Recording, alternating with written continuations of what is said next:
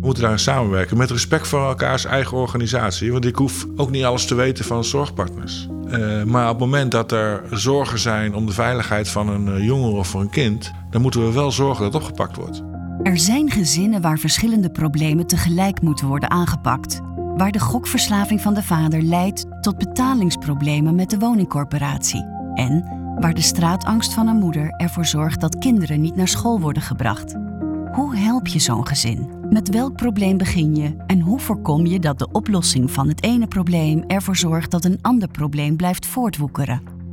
We praten in deze podcast over multiproblematiek.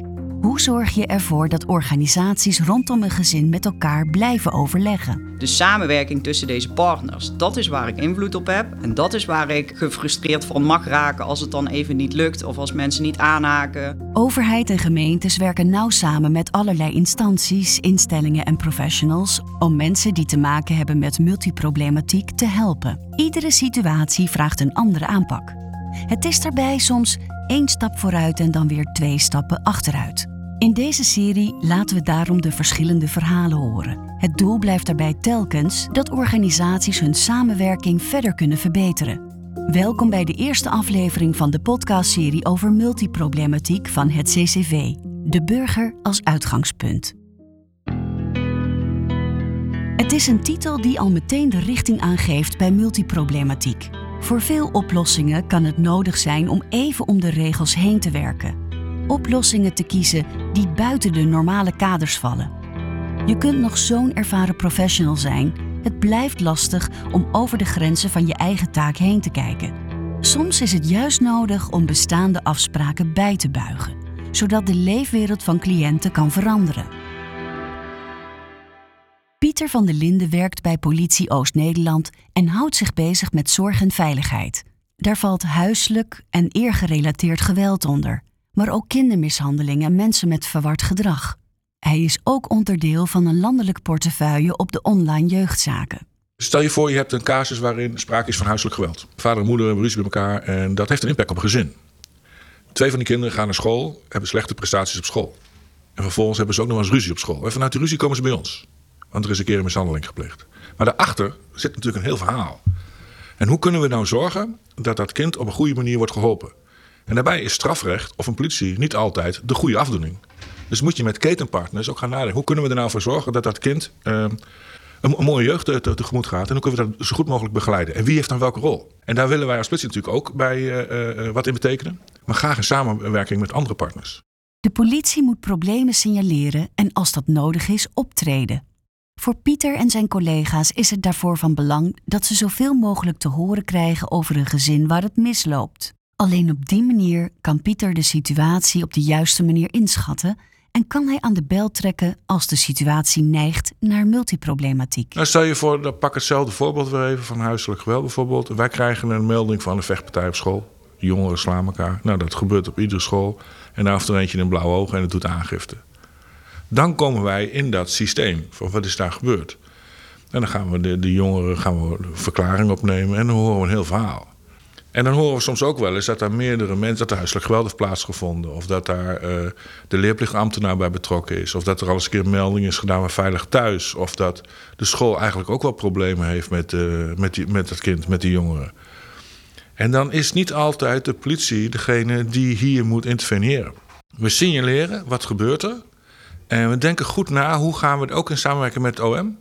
Hoe wat is nou de beste manier om dit goed af te doen? En hoe kunnen we ervoor zorgen dat het niet weer gebeurt en dat dat kind zeg maar uh, op het goede pad blijft? En daar hebben we ketenpartners bij nodig, die vooral op dat domein in het balans tussen zorg en veiligheid zitten. Pieter praat regelmatig met de Nederlandse Vereniging van Burgemeesters. Daaruit komt vaak naar voren dat er veel verschillen zijn in de aanpak van multiproblematiek bij gemeentes. Vaak gaat het om maatwerk. Eenheidsworst, zo zegt hij, dat werkt niet. Volgens Pieter zijn er voor gemeenten nog genoeg verbeterpunten. Ik weet wel, ze weten elkaar op zich wel goed te vinden. Maar het zou ook nog beter aan de voorkant eh, kunnen. En dat gaat niet alleen zeg maar, uh, verticaal of diagonaal door de verschillende organisaties, maar ook intern.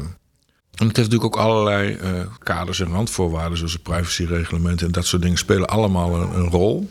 Maar ik zie ook nog wel eens dat partners ook intern van elkaar nog niet precies weten wat ze allemaal aan het doen zijn. En daar zou ook nog beter. En dat geldt, dat is ook, geldt ook voor ons. Hè? Dus het is ook niet zo dat. Uh, wij zijn niet het beste jongetje van de klas. Maar de focus moet liggen op de, degene waar het om gaat. Dat is dat gezin, of is, dat is die jongere, dat is dat kind. En dan is het belangrijk dat je in je eigen huishouding ook weet wat speelt daar nou. En als dat leerplicht is, of sociale dienst, of uh, de UWV, of de woningcorporatie, of de school. En dan krijg je op een gegeven moment een plaatje van wat, daar speelt. En dan kun je met elkaar gaan kijken van wat zou verstandig zijn om te doen voordat het escaleert. Maar als een situatie uit de hand loopt, is vaak de eerste stap iemand aan boord brengen die het proces gaat leiden.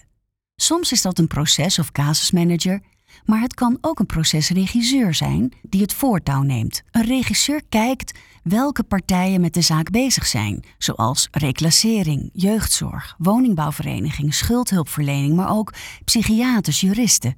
Welke rol ligt er voor de politie? Communicatie is één, maar het is ook uh, uh, respect voor elkaars verantwoordelijkheid. Want uh, een veilig thuis die is veel beter in, de, in zeg maar, de aanpak of in het triageren van een casus als wij. En wij zijn wel eens nieuwsgierig, wat gaat Veilig Thuis nu doen? En eigenlijk heb ik zoiets van, dat is hun professionaliteit.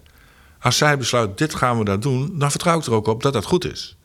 Ook als zij zeggen, we gaan niks doen. Dan is het niet aan ons om daar uh, wat van te vinden. Dat is hun vakgebied. En hetzelfde geldt natuurlijk ook voor uh, gemeentes of, of, openbaar ministerie. Procesregisseurs, uh, ambtenaren, openbare veiligheid... die hebben een eigen verantwoordelijkheid. En ik mag er wel wat van vinden... Maar ik ga er niet, dan niet meer over. Dat, dat wil ik dan ook niet meer. Tenzij het probleem nog erger wordt. Dan ga ik weer melden en weer adresseren aan ketenpartners van... hé, hey, maar dit gaat niet goed. Dit wordt nog erger. Je aanpak uh, uh, voldoet niet aan mijn verwachtingen. Wil je er nog eens naar kijken? Aisha is zo'n procesmanager. Zij werkt bij de gemeente Amsterdam en houdt zich binnen het team bezig met wat zij gestagneerde problematiek noemt, bijvoorbeeld criminele gezinnen en de veelplegers van huiselijk geweld of kindermishandeling. Ze houdt zich ook bezig met situaties die bedreigend zijn voor de openbare veiligheid. Zij vertelt hoe het Amsterdamse maatwerk werkt. Zit een gezin in de problemen, dan kijkt Aisha eerst welke mensen daarbij horen, zodat ze gericht kan werken aan oplossingen voor het gezin en er niet te veel tijd en inzet verloren gaat aan het bijpraten van collega's. Ik had een casus uh, met uh, twee ouders en een minderjarige en een meerderjarige inwonende zoon. En dat liep helemaal uit de spuigaten. Er was heel veel politiecontact. Er was angst in de buurt voor dit gezin, uh, want er waren overlast volgens iedereen, maar er waren geen officiële meldingen. Er was criminaliteit, speelde er. Nou, er speelden gewoon op meerdere gebieden opvoedproblemen. Meerdere gebieden speelden er problemen. Uh, en toen ik daar bij werd geroepen, toen waren er echt heel veel mensen van de gemeente, van het stadsdeel betrokken. Hulpverleners waren betrokken, de politie was betrokken. Nou, neem het. En het zat erin. Aisha gaat kijken naar wat er allemaal over het gezin bekend is. De feiten, maar ook het gevoel dat daarbij leeft. Met die lijst in handen kijkt ze naar wat het gezin nodig heeft, maar ook wat hebben de buurtgenoten, de directe omwonenden nodig en wat is voor de professionals nodig. Een belangrijke afweging daarbij is of het veilig is voor de betrokken professionals om daar op de bank te zitten. Aisha maakt de balans op, zodat er kritisch wordt gekeken naar een nieuw plan van aanpak. En als eerste heb ik in ieder geval al die mensen van het stadsdeel eruit geknikkerd. Want ik dacht, ja, wat heeft een directeur en al die mensen ermee te maken? Ik wil één aanspreekpunt namens het stadsdeel. En die gaat maar met al die mensen daarachter praten. Maar voor mij is het niet te werken als ik iedereen continu uh, moet bijpraten. En de vraag is ook, ook in geval van privacy, hoeveel moeten deze mensen weten? Dus dan parkeer je het bestuurlijke gedeelte en al die andere ambtenaren even aan de zijkant. Die neem je wel mee, maar op een andere manier. En daardoor had de regisseur in dit gezin ook weer ruimte van... hé, ik kan me weer gaan bezighouden met mijn werk waar ik voor ben. Aisha maakt zich regelmatig zorgen over situaties die uit de hand zijn gelopen. In zo'n zaak wordt het er vaak niet eenvoudiger op voor een casusmanager. Wat ik zie, zo gauw als casustiek bestuurlijk wordt, In sommige gevallen komt ook nog de inspectie erbij. Dan gaat iedereen zich storten op zo'n regisseur en op zo'n hulpverlening. Want iedereen wil weten wat is er gebeurd, wat is er gebeurd in mijn instelling. En je moet een iedereen moet je tevreden stellen. Terwijl niemand meer op dat moment zich bezighoudt. Hoe is het met die professional? Maar vraag me af of wij er nog wel oog hebben. Hoe gaat het met deze professional?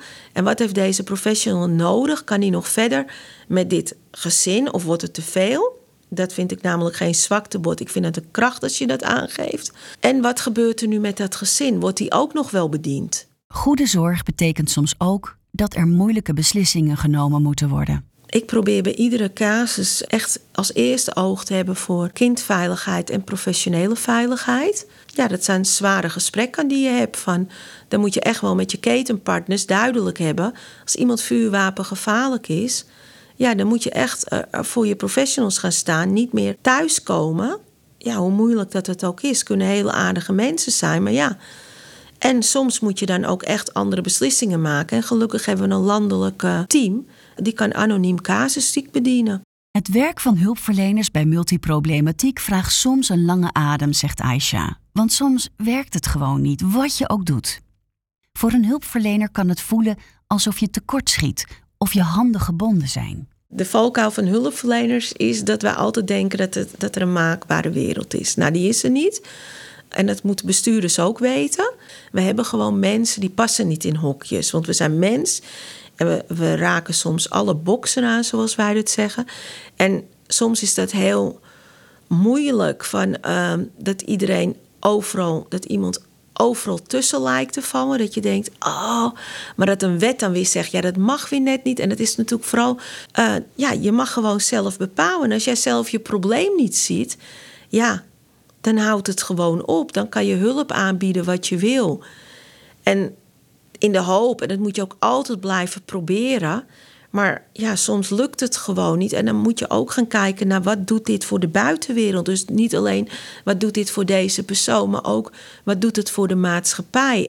Ondanks alle inzet, plannen van aanpak, bijstellen van de plannen en alle betrokkenheid van zorgverleners en handhaving, je kunt het nooit voor iedereen goed doen. Er blijft soms een zure appel waar professionals doorheen moeten bijten. Want ga maar tegen die buurt vertellen dat je die overlast plegen, dat je alles hebt geprobeerd, maar dat die niet opgenomen kan worden. En je hebt ook nog een privacywet, dus eigenlijk kan je dit dan niet delen met de wet. En dan zit je maar te puzzelen, heb ik wat gemist? Heb ik de juiste expertise erbij gehaald?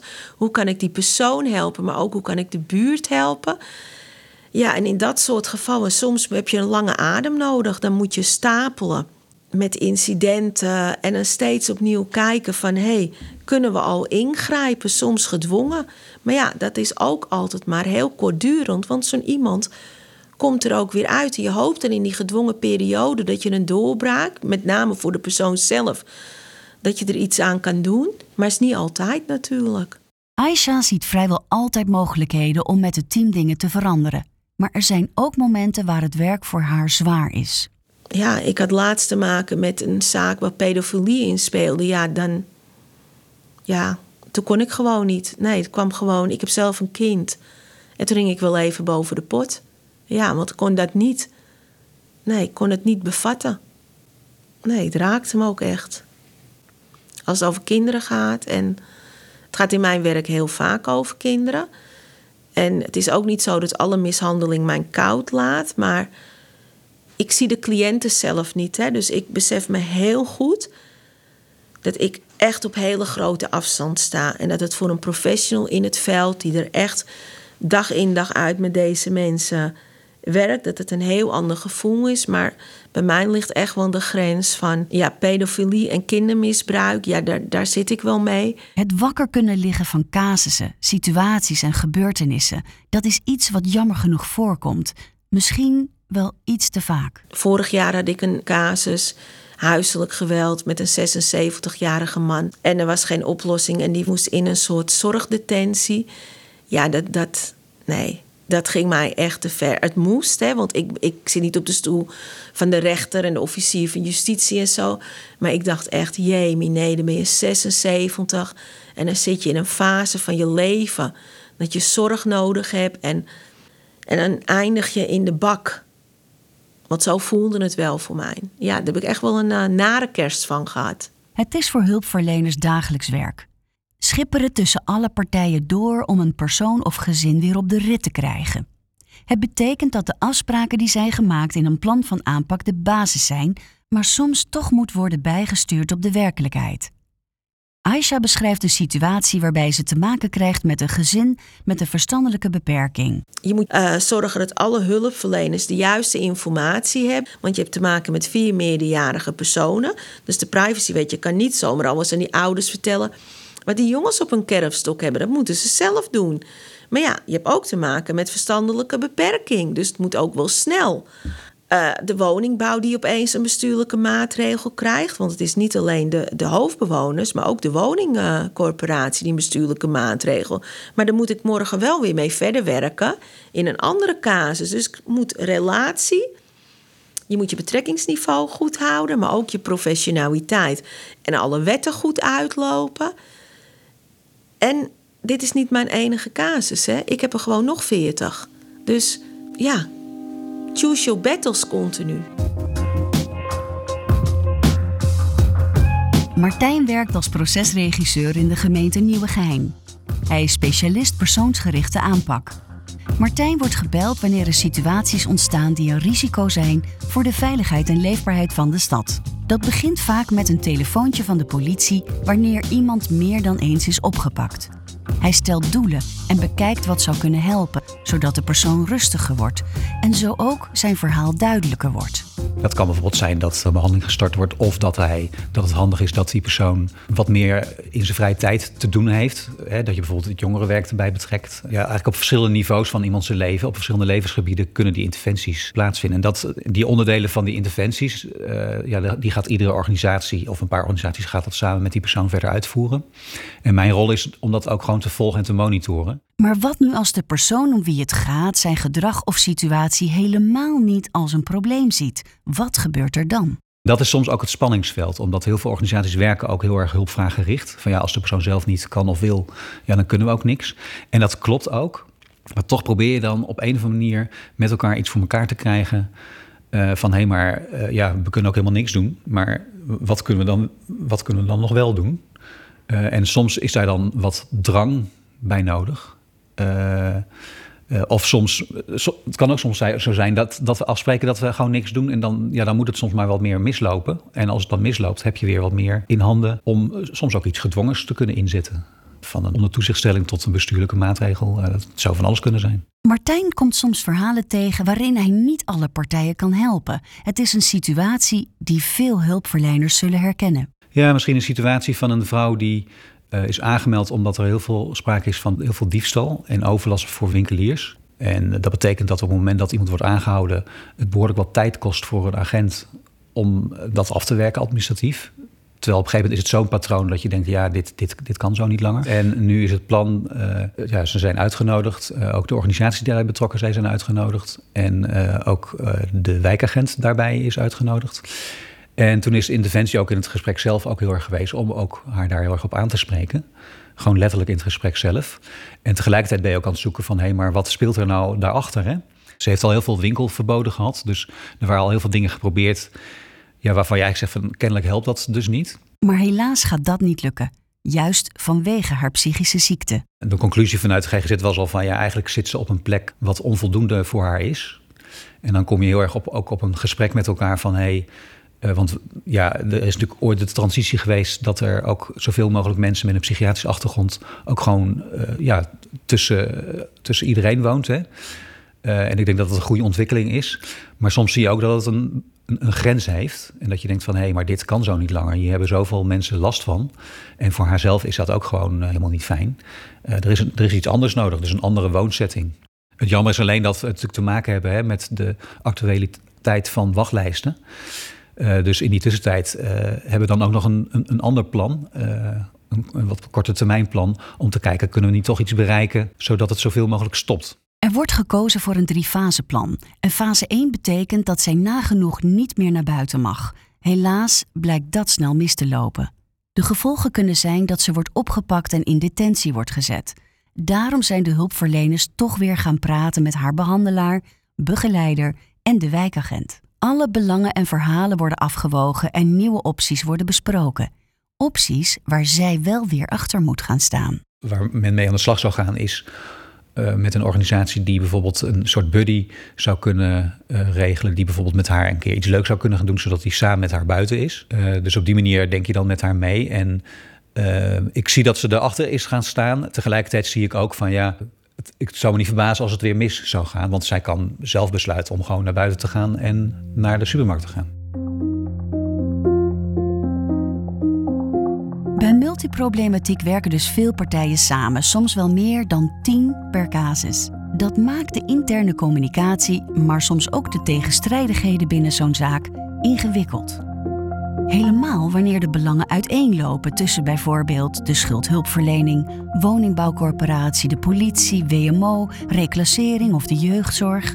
Procesregisseurs, casusmanagers, casusregisseurs hebben er vaak hun handen vol aan om hier binnen te manoeuvreren. Wendy is procesregisseur in Valkenswaard en houdt regie over lastige zaken in haar stad. Zij zorgt dat mensen betrokken blijven bij de situatie. Zij werkt met een aanpakmodel waarmee hulpverleners eerder kunnen inschatten wanneer ze hulp moeten inroepen. En als die hulp dan erbij wordt gehaald, moet er ook worden gestuurd.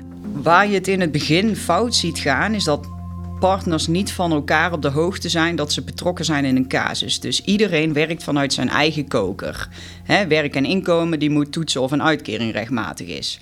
Uh, jeugdhulpverlening moet zorgen dat de opvoed- en opgroeisituatie op orde is. Maar als je uh, uh, een resultaat wil bereiken met zo'n gezin, moet je uh, een gezamenlijk doel formuleren met z'n allen. En is het heel belangrijk dat iedereen dus weet wie er betrokken zijn en in welke fase we zijn richting dat doel. Want het kan goed zijn dat de opvoed- en opgroeisituatie nu even belangrijker is dan bijvoorbeeld het zoeken naar werk. Terwijl zo'n medewerker van WNI heel erg aan het pushen is op het zoeken naar een baan en arbeidsparticipatie. Terwijl als bijvoorbeeld een ouder daar heel erg de focus op heeft liggen, kan die bijvoorbeeld uh, niet de focus op de opvoedsituatie leggen. Wendy vertelt dat het bij situaties die gevoelig liggen het lastig kan zijn als er al veel berichten in de krant hebben gestaan. Er komt dan vaak een vergrootglas op de zaak te staan.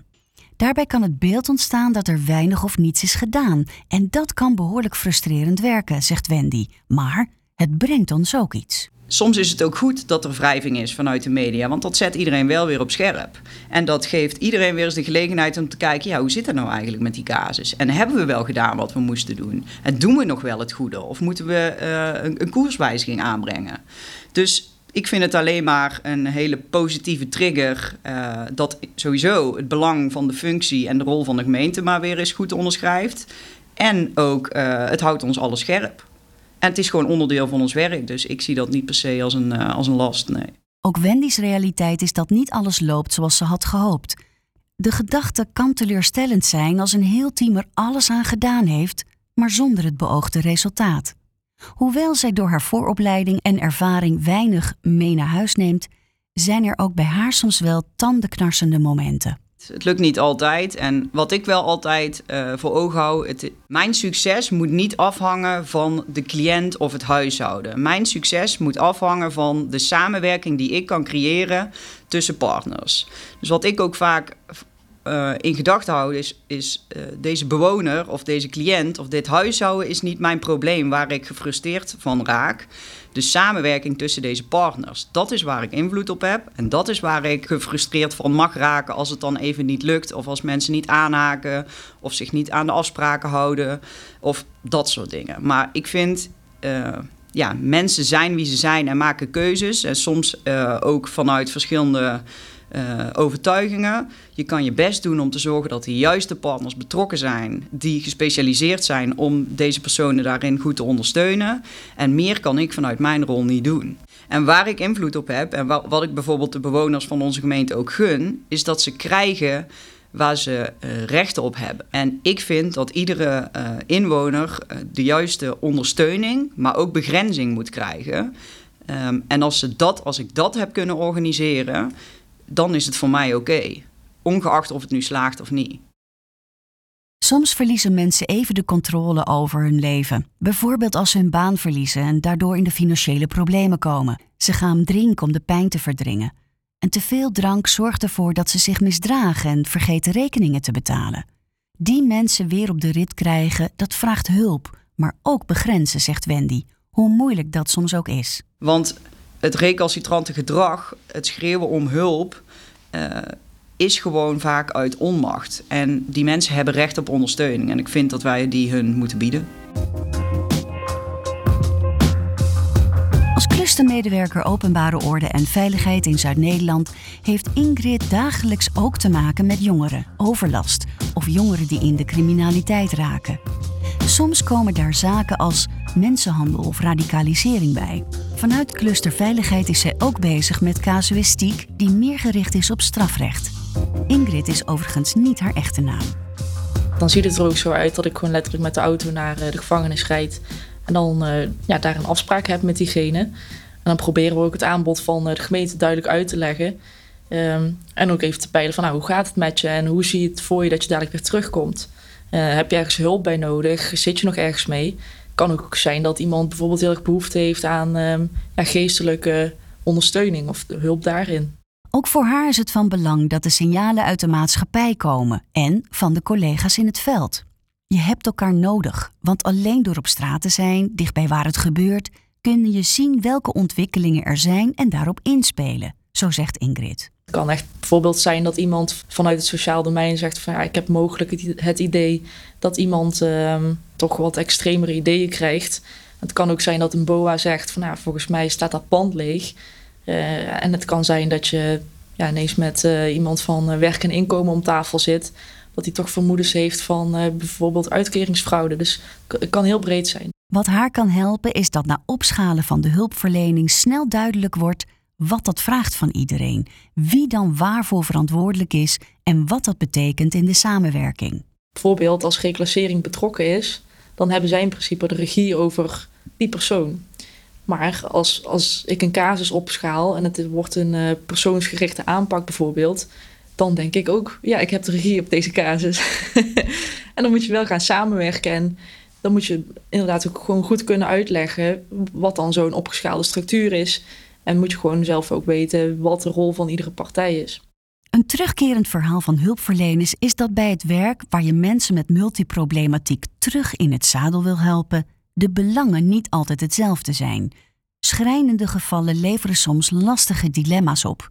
Dat vraagt goede communicatie en begrip over en weer, zoals bijvoorbeeld bij de wet BRP, de wet basisregistratie personen. Soms is het een beetje laveren tussen verschillende belangen. Een heel concreet voorbeeld is, uh, dat heeft dan niet per se heel veel met mij te maken. Als ik de regie over een casus heb als het gaat om uh, nazorg van ex-gedetineerden, dan kan het zo zijn dat iemand bij wijze van spreken negen maanden vast moet zitten. Um, maar volgens de wet BRP moet je minimaal um, een x aantal maanden in je huis wonen en als word je uitgeschreven. Dus BRP zegt dan eigenlijk: oké, die persoon moet negen maanden gaan zitten. Dan moet zijn adres veranderen naar het adres van de gevangenis. Maar dan zegt de begeleider van uh, het sociaal domein: ja, maar dan gaat hij zijn woning dus kwijtraken. En dan, ja, de, de, de wachtlijsten voor de huur zijn hier super lang. Dus ja, dan komt hij dadelijk op straat te staan. Dus ja, dan hebben we nog meer problemen. Terwijl we nu heel erg hard aan het werken zijn om aan zijn uh, gezondheid te timmeren. En ja, dat, dat, voor wat ga je dan kiezen? Als het echt ingewikkeld wordt of te gevoelig voor meerdere betrokkenen, dan wordt bestuurlijk meegedacht. Vooral om de belangen van alle inwoners te beschermen. Ingrid ziet dat als een mooie wisselwerking. Vanuit veiligheid hebben wij ehm, echt wel nauw contact met, uh, met het bestuur, met, met name met de burgemeester, maar ook met uh, de wethouder. Ja, bij, bij casuïstiek zal hij ook altijd aanbieden om uh, mee te denken en om bestuurlijk hulp te bieden als dat nodig is. Ingrid realiseert zich regelmatig dat ze niet alledaags werk doet en dat ze naast zo nu en dan een beetje stoom afblazen bij haar collega's, er ook verstandig aan doet stil te staan bij de heftigheid van haar werk. Want hoewel het voor haar alledaags is, is het zeker niet gewoon. Wat ik wel belangrijk vind, is dat je soms blijft uh, realiseren wat, ja, wat hetgene is wat je doet qua werk. Kan het zijn dat er op maandag een uh, demonstratie is waar je mee aan de bak moet dat er op dinsdag uh, ergens een, uh, een granaat uh, is gevonden. dat je op woensdag een casus hebt die aan het escaleren is, dat er iemand naar de gevangenis moet om weet ik veel wat. En zo blijft dat dan doorgaan. En ehm, als je zo'n week dan zou beschrijven, dan kan het zijn dat mensen daar best wel van schrikken of dat ze het heel heftig vinden. Terwijl het voor jou dan gewoon een, dagelijkse dag is. En je gaat best wel snel relativeren. En ik denk dat het goed is om dat ja, af en toe toch eens te bekijken, zodat je niet zodat je grens niet te veel gaat verschuiven. Dat je niet alles ook maar normaal gaat vinden.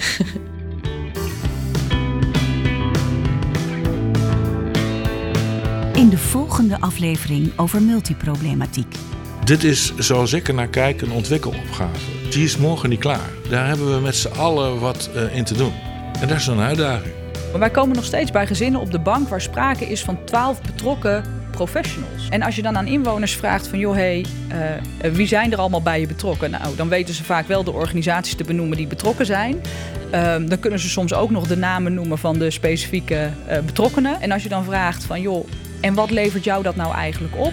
Het mooiste voorbeeld is dat we op een gegeven moment een inwoner hebben gehad die kwam met een doos met papier. En zei: Dit is wat het me heeft opgeleverd. En die doos met papier op tafel zetten. Wil je meer weten over de aanpak van multiproblematiek? Kijk dan eens op de website platformmultiproblematiek.nl, een initiatief van het Centrum voor Criminaliteitspreventie en Veiligheid, Movisie, het Nederlands Jeugdinstituut en Trimbos Instituut. Heb je vragen? Mail dan naar platformmultiproblematiek apenstaartje hetccv.nl. Heeft deze aflevering je geïnspireerd of geraakt? Schrijf dan een review bij Apple Podcast of laat een rating achter.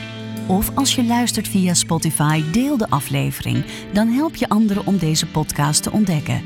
Vergeet niet om je gratis op deze serie te abonneren met de subscribe of abonneerknop. Dan verschijnen nieuwe afleveringen automatisch in je podcast-app. Het Centrum voor Criminaliteitspreventie en Veiligheid werkt aan een veilig en leefbaar Nederland. In de podcast nemen we u mee in de verhalen die gaan over realiteit, de uitdagingen, maar vooral hoe samenwerking bijdraagt aan oplossingen. CCV de podcast, want veiligheid maken we samen.